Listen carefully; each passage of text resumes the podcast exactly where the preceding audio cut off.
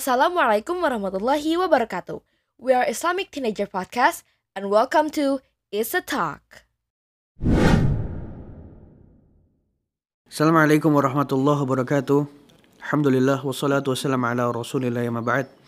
Ikhwani rahimani wa rahimakumullah yang semoga Allah muliakan dunia dan akhirat. Di dalam kehidupan ini kita menemukan di dalam agama kita banyak perbedaan. Di dalam agama kita banyak pendapat-pendapat. Di agama kita banyak firqah-firqah atau circle-circle tertentu. Maka kita pasti bertanya-tanya, ini gue beragama gimana ya caranya?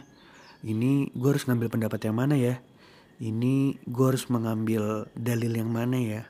Nah, yang harus kita tahu ya teman-teman, semua orang mempunyai dalil, semua orang mempunyai ayat Al-Quran dan hadis Rasulullah Shallallahu Alaihi Wasallam. Mereka bisa menafsirkan dengan pemikiran mereka sendiri tanpa melihat pandangan-pandangan para ulama. Maka saya katakan bahwa seluruh manusia bisa berdalil, punya alasan sendiri. Tetapi pertanyaan kita, mana pemahaman yang paling baik? Mana cara beragama yang paling baik? Tentunya coba kita lihat di keseharian kita. Ketika kita mau beli makanan, kita ketika mau menanyakan tentang ingredients makanan tersebut, kita menanya ke mana? Gak mungkin dong kita nanya ke tukang parkir, gak mungkin dong kita nanya ke tukang WC yang ada di restoran tersebut. Pasti kita akan menanya kepada ahli chef di situ. Chef, ini isinya apa aja, ingredientsnya apa aja, halal atau enggak? Ya enggak? Atau mungkin ketika kita datang ke dealer mobil, kita membeli mobil atau kendaraan baru nggak mungkin dong kita nanya eh ini komposisi mesinnya pistonnya berapa uh, horsepower Ma mungkin nggak kita nanya ke mbak-mbak yang jual gorengan di depan nggak mungkin dong pasti kita bakal nanya ke ahli mesin yang ada di situ atau minimal marketernya lah yang ada di sana. Mas ini mesinnya berapa tenaganya, terus keiritannya berapa. Semua hal yang ada di dunia ini pasti kita fasalu ahli dzikri in kuntum la ta'lamun. Pasti kita akan bertanya kepada ahlinya. Gak mungkin kita bertanya kepada orang-orang yang bukan ahlinya. Maka, maka kehancuran akan ada di mana-mana. Maka sama teman-teman, metode kita dalam beragama, metode kita dalam memahami Al-Quran dan hadis butuh pendapat-pendapat para ahli. Dan pendapat para ahli, ahli itu adalah pendapat siapa? pendapat orang-orang yang melihat menyaksikan ayat dan hadis turun langsung. Siapa mereka? Sahabat Rasulullah Shallallahu Alaihi Wasallam, sahabat radhiyallahu anhum. Subhanallah teman-teman. Ketika kita melihat satu ayat, coba kita lihat tafsiran para sahabat. Apa sahabat melihat ini? Karena memang Rasulullah Shallallahu Alaihi Wasallam sudah mengatakan, barang siapa yang hidup setelahku ini akan melihat perselisihan yang banyak. Rasulullah bersabda, fa inna man ya'ish minkum fasayara ikhtilafan katsira. Barang siapa yang hidup sepeninggalku, setelahku akan melihat perpecahan yang banyak.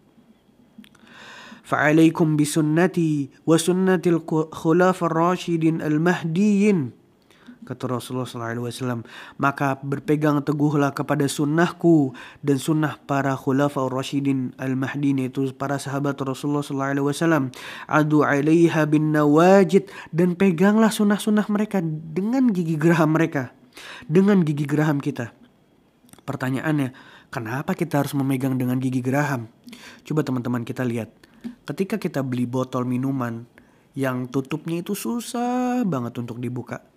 Kita udah buka pakai tangan, terus kita udah balut tangan kita pakai tisu nggak bisa bisa, kita minta tolong ke teman kita nggak bisa juga. Akhirnya kita pegang botol itu dan kita buka dengan gigi kita sendiri. Maksudnya apa? Gigi geraham ini adalah pertahanan terakhir kita. Kita harus memegang sunnah-sunnah Rasulullah dan para sahabat sampai akhir hayat kita dengan sekuat tenaga. Karena banyak orang-orang yang menafsirkan ayat Al-Quran dan hadis tidak dengan pemahaman para sahabat. Akhirnya ngaco deh semuanya. Ada yang bom bunuh diri, ada yang sebagainya. Na'udzubillahi min zalik. Dan Rasulullah melanjutkan wa muhdatsatil umur fa inna kull fa inna kull bid'atin dhalalah.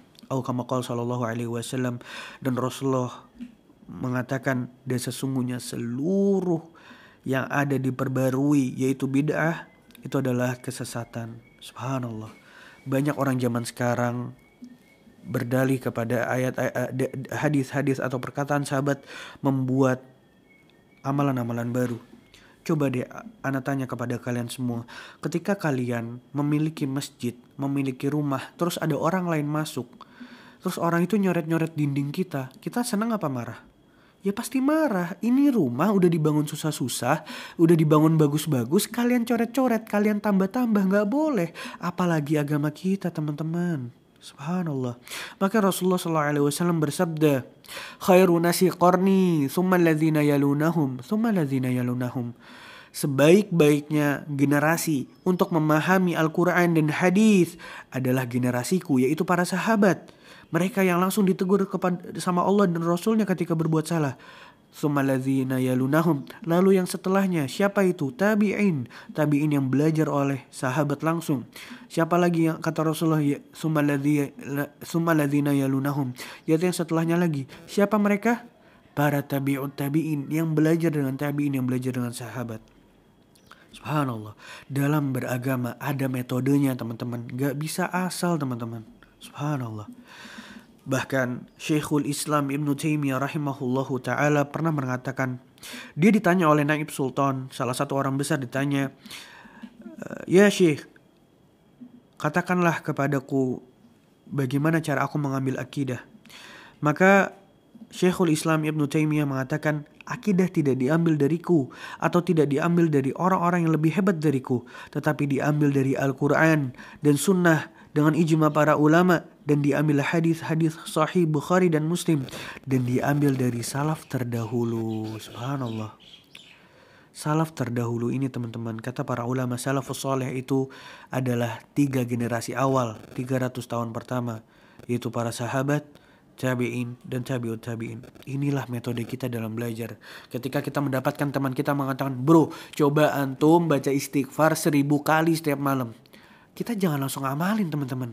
Kita harus tanya dulu, apakah Rasulullah mengamalkan? Apakah sahabat mengamalkan? Kita tanya dulu. Ya, jangan sampai kita mengamalkan sesuatu yang tidak ada contohnya. Karena itu bahaya teman-teman. Ya, dan ada sebuah kisah uh, Syekh uh, ada sebuah kisah seorang Syekh Falah kalau nggak salah rahimahullahu taala beliau mempunyai uh, ayah dan ayahnya ini sudah tua dan pelupa. Setiap saat beliau bermain dengan teman-temannya, uh, ayahnya Syekh Fala ini bermain dengan teman-temannya. Dan teman-teman ini suka memberitahu, wahai, wahai temanku ini amalin nih ada amalan bagus. Dan saat pulang, bapaknya ini bertanya kepada Syekh Falah, wahai anakku, aku tadi diberi kayak gini gini gini sama teman-temanku. Sama Syekh Falah ini dikasih tahu, wahai ayah, ini amalan tidak dicontohkan oleh Rasulullah dan sebagainya dan tidak diamalkan oleh para sahabat.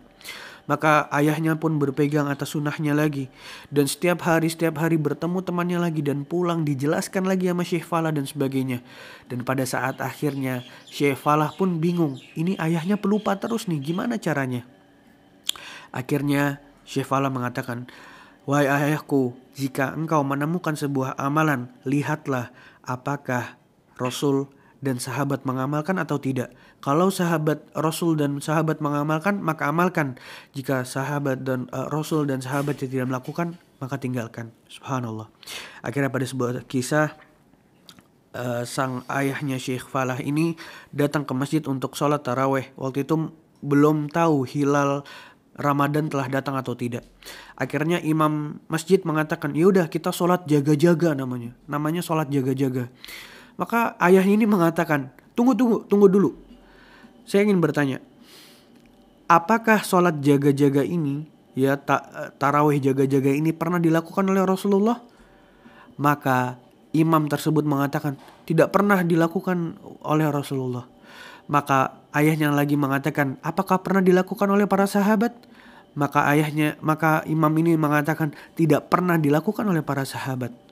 Dan ditanya lagi, apakah pernah dilakukan oleh tabiin dan tabiut tabiin? Tidak pernah. Maka pada saat itu sholatnya dibatalkan karena ayahnya. Subhanallah. Itu teman-teman. Kita harus berpegang teguh kepada sunnah Rasulullah dan sunnah sahabat. Maka itu yang harus kita jaga dalam beragama. Barakallahu fikum.